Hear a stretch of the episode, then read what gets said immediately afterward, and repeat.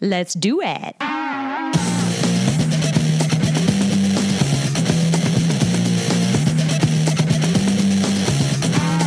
Welcome to the Women Inspired Podcast. I'm your host, April Seifert. There is nothing more powerful than a woman who is inspired to action, and that's my number one goal to inspire you, my listeners, to take action in your lives.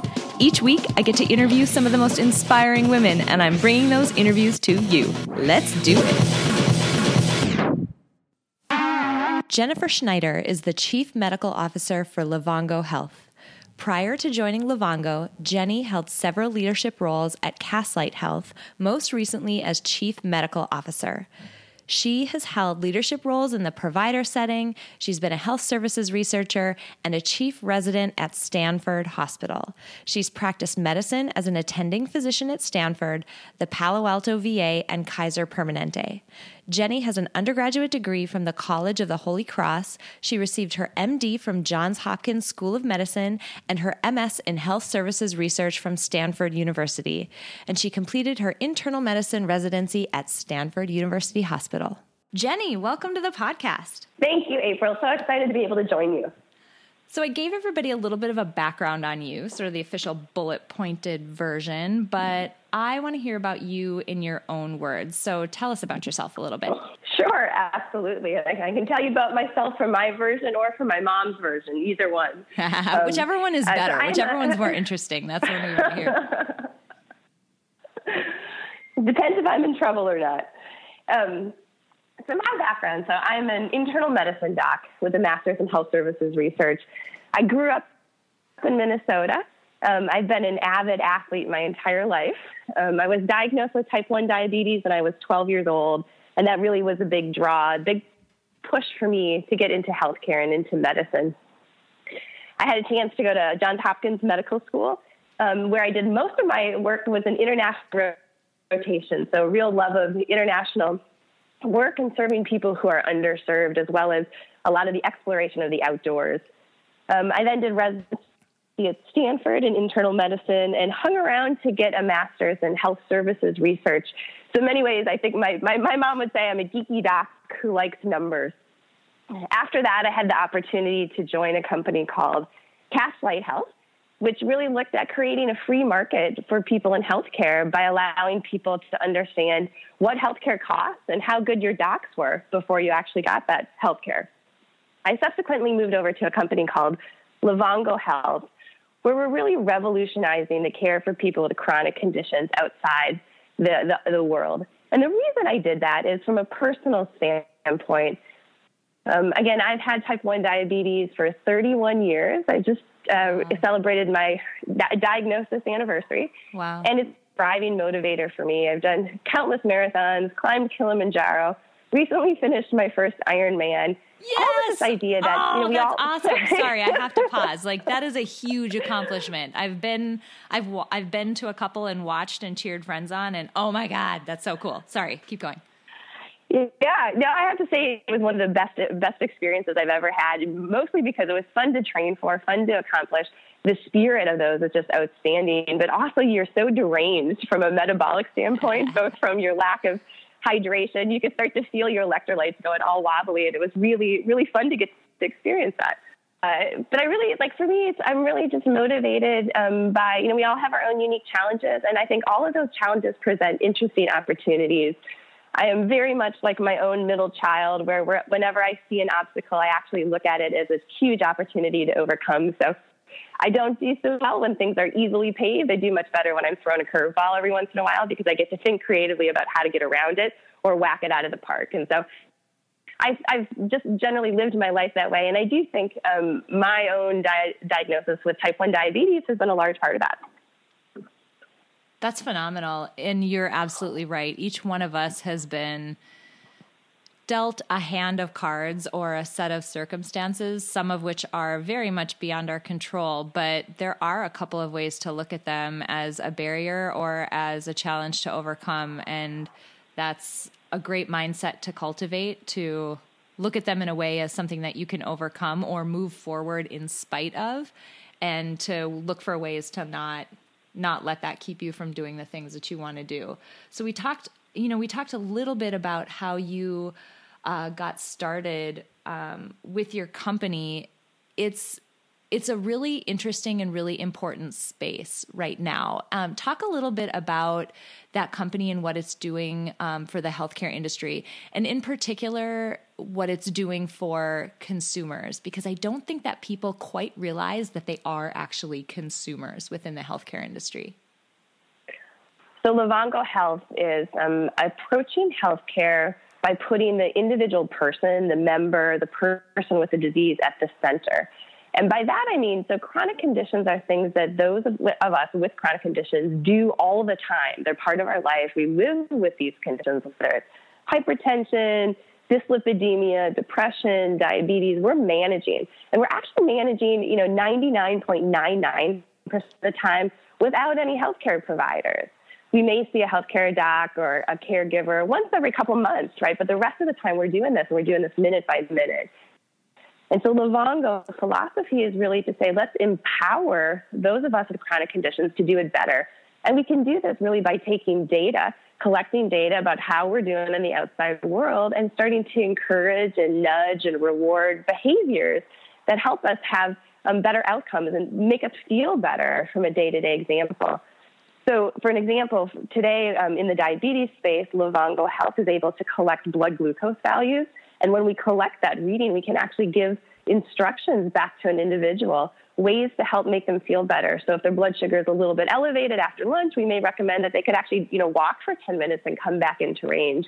And those nudges around, you know, um, sort of keeping people keeping people in the range and doing that on a, a real time basis is incredibly powerful. My draw to this space is actually um, in the back of my mind. I had had this hacking for a while that there's just all this data that we collect in the outside world that we don't leverage. I had had um, one episode um, where I had had a low blood sugar reaction, um, but the kicker of it all was that I was, yeah, everything was being monitored. I, I, woke up, I was unconscious in my bed for the first time, and I saw paramedics standing over me. Oh my and my blood sugar was really low. But like I said, yeah, and I and, and frankly at that point I thought I had a stroke because they were asking me to move my limbs and speak, oh. and I could not get words out. So it was a very powerful moment for me. But the kicker of it all is that I actually wear a continuous glucose monitor and an insulin pump. So all that data was being recorded, but nobody was doing anything with it. Oh my so gosh. this idea that we're recording data outside the world for people with chronic conditions, but we're not leveraging it to do anything. So this real opportunity across all chronic conditions to take that data, leverage it, and actually make it meaningful and actionable not in like a global, comprehensive way, but like a bite sized, step by step action that individual people can actually do things with it. So I love the concept. I love what we're doing within the space of chronic conditions. Um, and we're seeing wonderful outcomes. But more importantly than that, people with chronic conditions love it. We're making people's lives better. And we see that and hear that testimonies every day. And it's just incredibly powerful and meaningful to get to be a part of a company that's doing that it's really cool to hear you talk about it in the way that you just did. A lot of the interviews that I've done on this podcast so far, many of them have come back to actually, I interviewed a woman this morning and we talked about this very thing. It's so common uh, for people who are very driven in whatever the, the career or job they're doing is. It's that the why behind what they're doing. There's something that is bigger than themselves, that's bigger than their paycheck, it's bigger than that one individual experience. And that big why is what's driving them and helping them push forward and gives you so much energy within the career that you've chosen. And I can totally hear that in your voice. I think that that's right. And I think that even more than that, all of my colleagues at Livongo are the same. And so to get to wake up and have the privilege of being able to do a job where you and the people with whom you're working are incredibly mission driven is driven is one of the biggest gifts that I've ever had. And I just feel so fortunate to be a part of this, part of the team and part of the general mission within healthcare. You know, and I I about our company very big picture. Like I believe that like our country is at risk because healthcare costs continue to escalate and the, the, collective we need to figure that out. And this is one way in which we can do that. And so, again, the mission is bigger and broader than growing the company or growing the finances. It's about helping people, but it's even more than that. It's about helping stabilize the country we live in so that the economic uh, impact of healthcare that's spiraling out of control stops. We need to, we need to all kind of think about that and work on that. Totally agree. I've been in the the healthcare industry for quite a while. My real job has been in data science within the healthcare industry. So this really hits very much on a space that I have quite a bit of experience in and for people who aren't in the industry, I think this topic gets very focused on, you know, it's it's timely right now because, you know, a new administration has just come in um, to the White House and people focus very much on what that single person in that office, the president, what they're doing and what did our previous president do and what did his act do and what will this new administration do and will they change it? And fundamentally, that does impact the nation. Don't get me wrong, but there are so many other drivers and so many other motivators and catalysts within the healthcare industry that almost have nothing to do with what any one person in the White House or what they might do.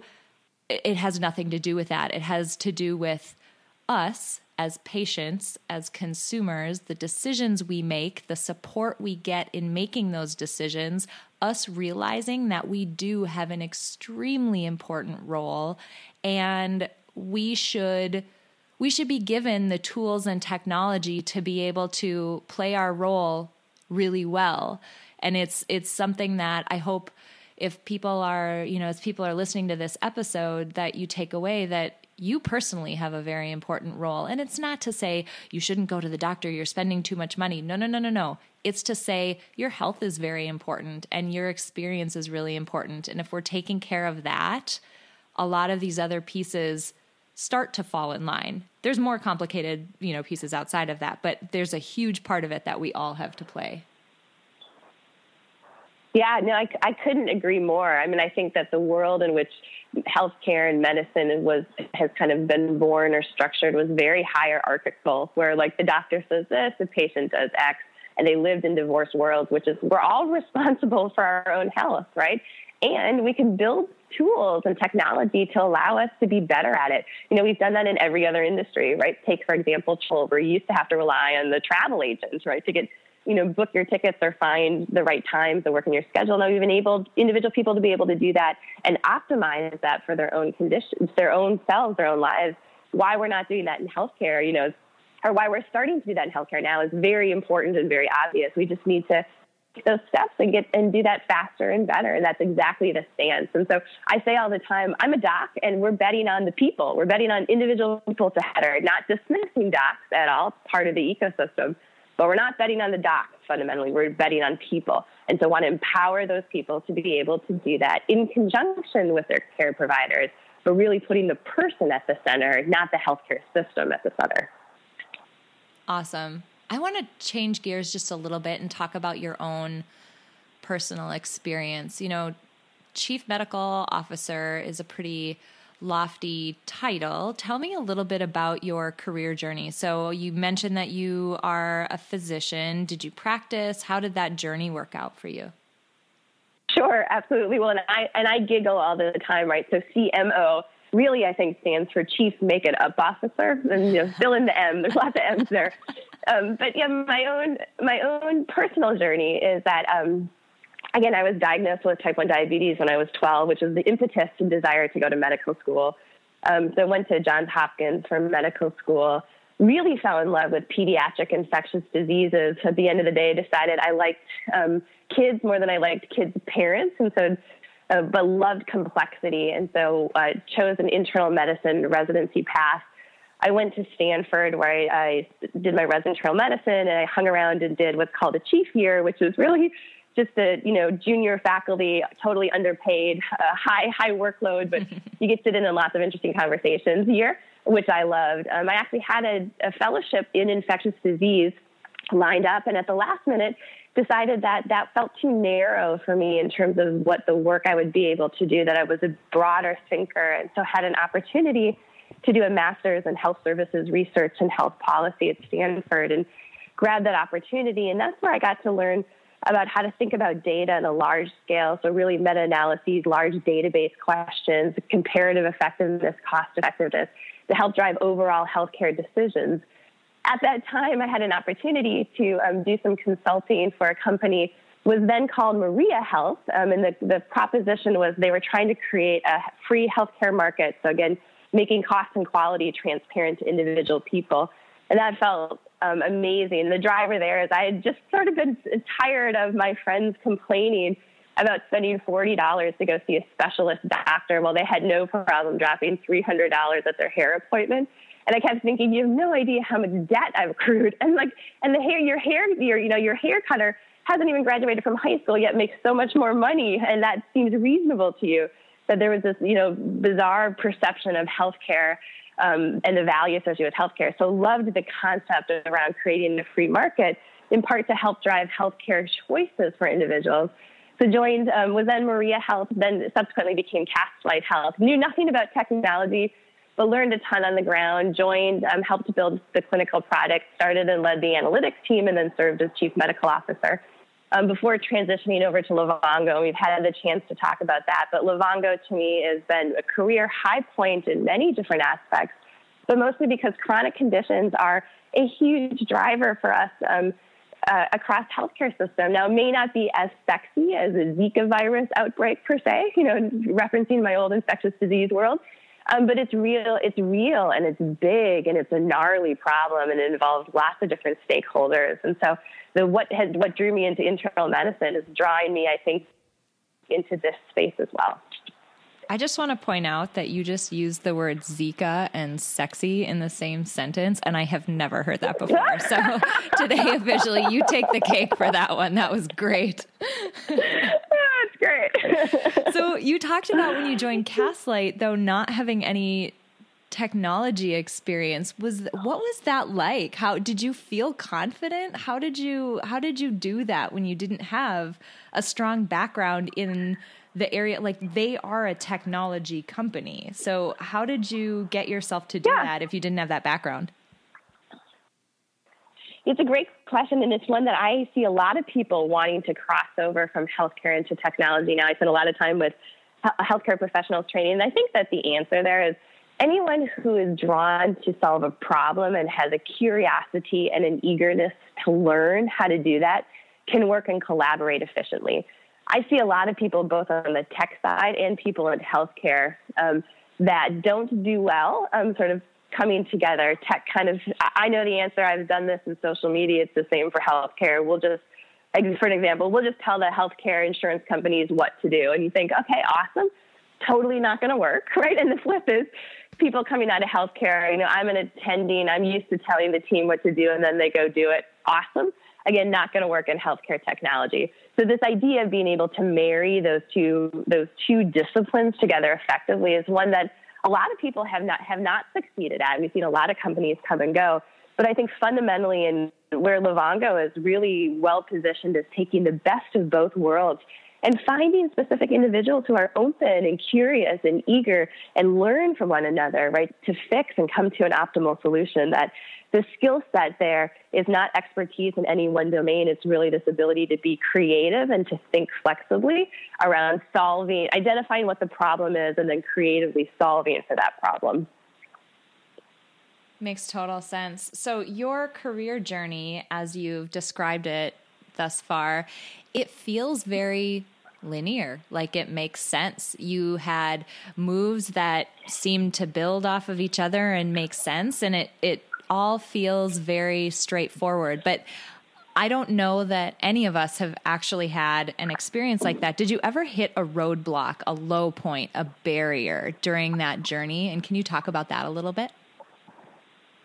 Yeah, it's a great question. I think um, it's hard for me to feel like I've hit a low point. I would say I, I don't feel like my career path has been linear by any stretch of the imagination. I think, um, you know, to, the, to this day, my mom keeps asking me, like, do you still see patients? Like, do you still have a white coat? Because that's her vision of like what her daughter, the doctor, must do. And it is true that I do see patients. It is not what I do um, on a regular basis, but she still continues to harbor that belief because that's the context that she understands rather than a career path, and I don't, I didn't say I want, I want to set out to be X, Y, or Z. I'm much more motivated by interesting questions that float across my desk and then take full advantage of that.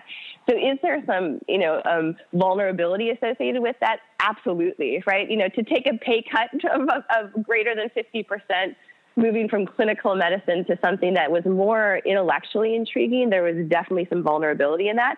But at the end of the day, like I'm not motivated by money. I'm really just motivated by doing interesting work to solve interesting problems. And so keeping open that radar to see what's out in the ecosystem um, and what are the interesting questions that are being raised and how can I, I, Jenny, uniquely contribute to that is I think the most, the biggest driving factor for me as you've as you've been given these really interesting questions and new things have floated across your desk and you've been making these moves how have you how have you focused on continuing to grow and continuing to expand yourself and your capabilities to be able to meet those challenges. I think it's really important. You know, sometimes people get into their careers and they think, great, I went to school, I'm now an accountant, I know how to do accounting, and I'm going to do that for the rest of my career.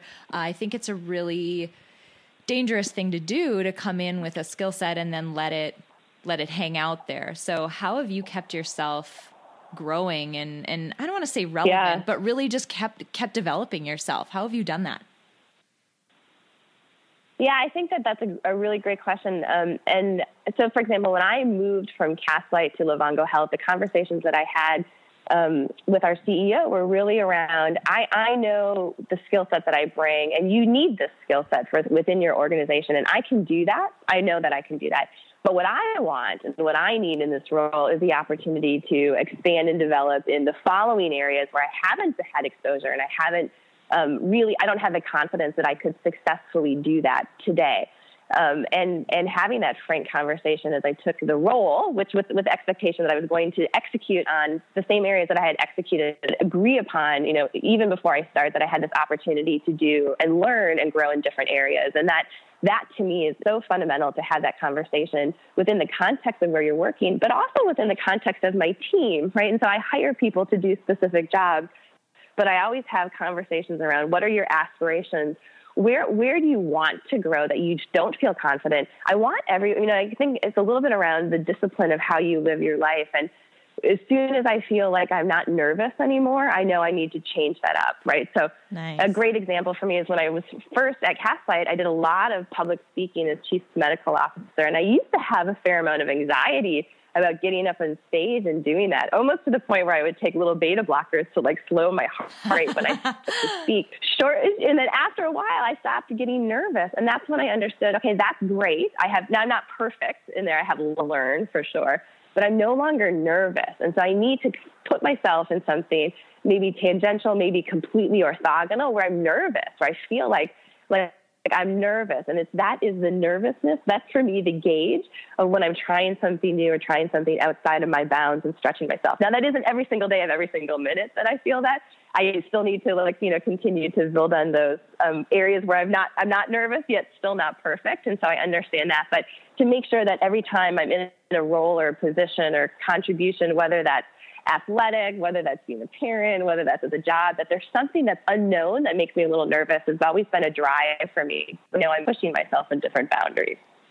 It's a cool thing to call out because sometimes I think it's easy to look at people who are doing um, doing things that would make other people nervous or afraid and think that they think that there's an absence of fear there. And in fact, for so many people, and I've heard it a lot of times, it's not that you're it's not that you aren't afraid. It's not that you don't feel that nervousness. It's that you're doing it anyway, in spite of the fact that you feel that way. Or maybe in your case, because you feel that way. That's something that motivates you.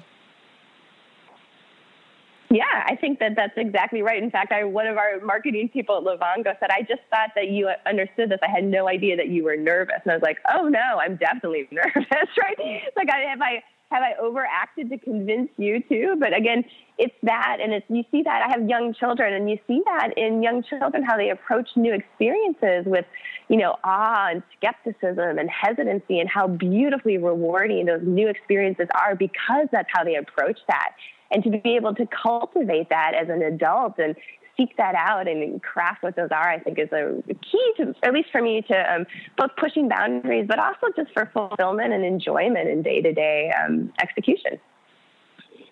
So we've talked a lot about where you've been in your career and some of the things that you've accomplished, but what's next for you? What's your what's your big hairy goal right now that you are working toward in I don't know, some foreseeable amount of time in the future? I have lots of uh, small personal goals when it comes to career, but I the, where from an organizational standpoint, um, I just believe so strongly in this model where you take data out, collected outside the doctor's office and use the data with the rule sets to then motivate individual people to change their behavior around their chronic condition. That today we're in diabetes, and you know, if I had my way by the end of this month, which is I think only a few more days, like we'd be in four more other chronic conditions, and really kind of taking that model and extending that. Um, and that's so I'm spending a lot of time thinking through what our strategies are to expand into other um, adjacent and non-adjacent chronic conditions with the model that the healthcare system can evolve because we have all this great data that we use and collect for people, but we haven't optimized its utilization because it's been very di- um, uh, dichotomized between providers and individual members or people with chronic conditions. That again, uh, really expanding across the platform for chronic conditions is where I've spent, um, or I'm spending a lot of time and a ton of energy. And hopefully, you can tell the excitement in my voice um, about that as we as I think about healthcare and, and where we can go within healthcare.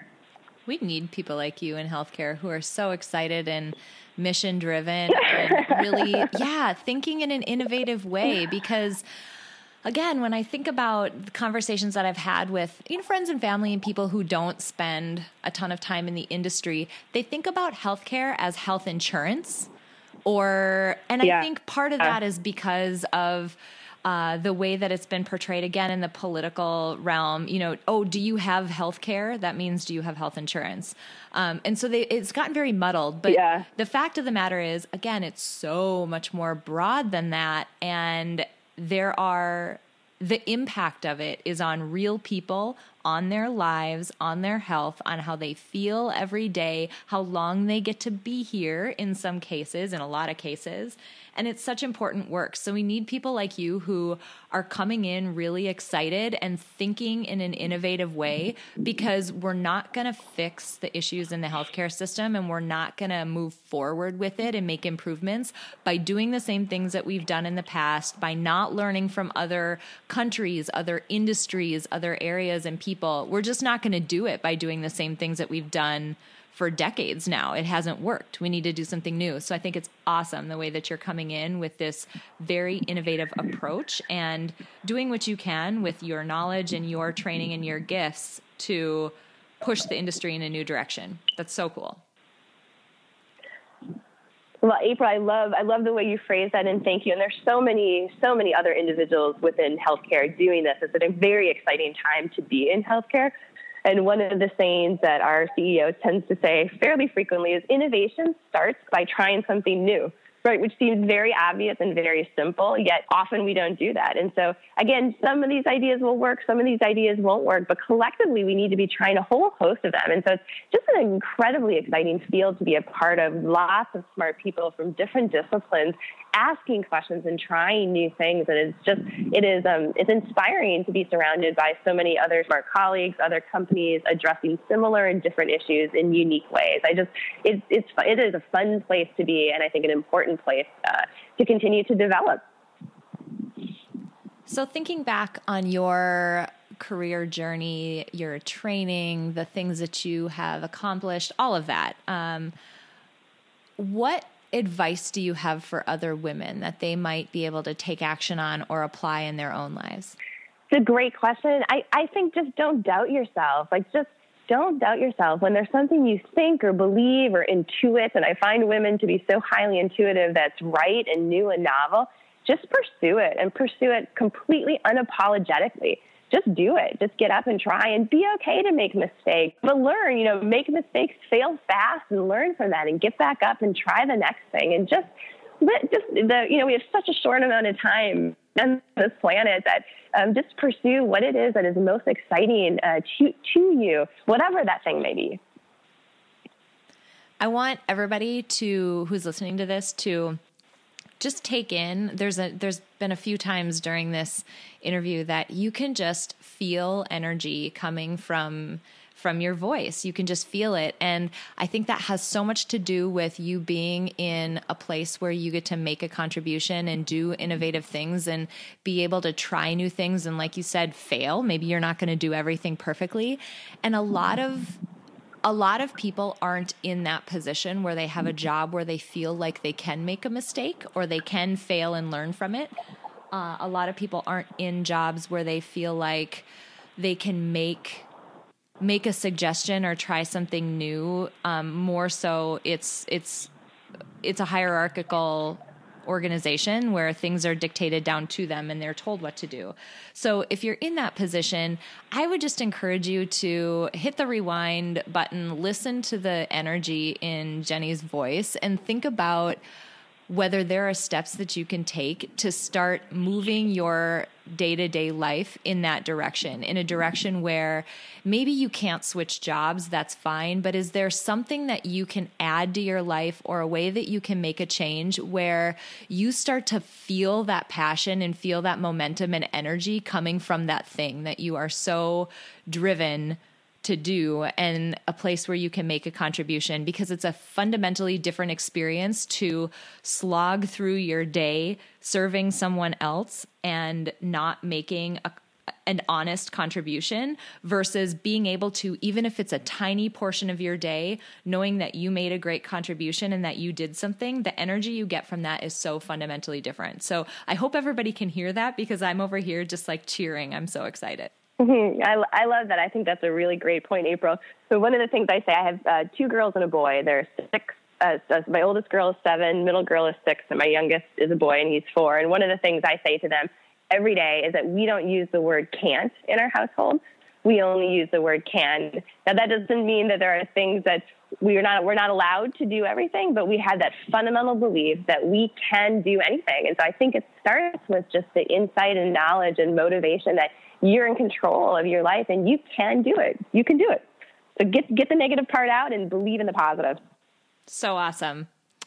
Um, the last question that I have for you is one that I ask everybody. We are compiling a power playlist on Spotify. This is a playlist of motivational songs to get people excited and get their energy up and get them in the right place to go out and do all these awesome things that they want to do. So, all of these songs are curated by people who are guests on the podcast, and I have to ask for your contribution to our playlist. I love the question and I love getting to listen to all the other contributors. And my song uh, is gonna build a mountain, and uh, one of the one of the artists that sings that is Sammy Davis. Nice. And the the first lyrics are things that I repeat in repeat in my head often, and it's like gonna build a mountain from a little hill, meaning like I'm gonna make something really big out of something really small, and I can do that. And so that's that's my song contribution, and I hope that people enjoy that. I love it. Thank you so much. It is such a cool as I'm seeing this playlist come together, it gets cooler every single week. It just has turned into this awesome thing. Um, I have to thank you so much for taking time. You obviously are a very busy person with a very full career. So I so appreciate you taking time today to sit down and share your experience and share your story and just be so open about uh, the the path that you've taken and sharing what you've learned with other people. It's so important that um, something that I'm very passionate about and very committed to doing is, you know, once I've figured something out or once I've done the work of slogging through the beginning and the hard part, I want to be able to make that easier for other people and share it with other people. So I so appreciate that you are willing to do that and share your experiences and your learnings with everyone else. So I so appreciate you being here today. Well, April, thank you so much for the opportunity. And thank you for the work that you're doing and inspiring those of us that get to listen to your podcast. I really appreciate that. I really hope you enjoyed this interview with Jennifer Schneider of Livongo Health. What struck me about our conversation is the passion and energy you can hear in her voice. She truly cares about the work that she's doing, and it comes through in the way that she talks about it. I was really struck by her comment about obstacles being opportunities and approaching new experiences with a feeling of awe. That's just an amazing way to approach life. Now, if you're enjoying this podcast, I would really appreciate it if you would share it with other people. The more women I speak with during these interviews, the more passionate I am about getting their stories out there more broadly, and sharing them with others helps me do that. Also, if you have a moment, if you could leave me a rating and a review on iTunes or wherever it is you get your podcasts, I would really appreciate that as well. It is my absolute honor to bring these inspiring stories to you, and as always, have an inspiring week.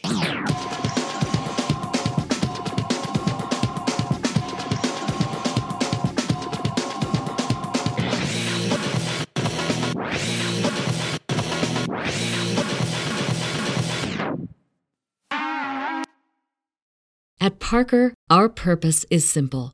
We want to make the world a better place by working more efficiently, by using more sustainable practices, by developing better technologies. We keep moving forward. With each new idea, innovation, and partnership, we're one step closer to fulfilling our purpose every single day. To find out more, visit parker.com/purpose. Parker, engineering your success. As humans, we're naturally driven by the search for better. But when it comes to hiring, the best way to search for a candidate isn't to search at all. Don't search, match with Indeed. When I was looking to hire someone, it was so slow and overwhelming. I wish I had used Indeed. If you need to hire, you need Indeed. Indeed is your matching and hiring platform with over 350 million global monthly visitors, according to Indeed data, and a matching engine that helps you find quality candidates fast. Ditch the busy work. Use Indeed for scheduling, screening, and messaging so you can connect with candidates faster. And Indeed doesn't just help you hire faster. 93% of employers agree Indeed delivers the highest quality matches compared to other job sites, according to a recent Indeed survey. And listeners of this show will get a $75 sponsored job credit to get your jobs more visibility at Indeed.com slash podcast. That's Indeed.com slash podcast. Terms and conditions apply.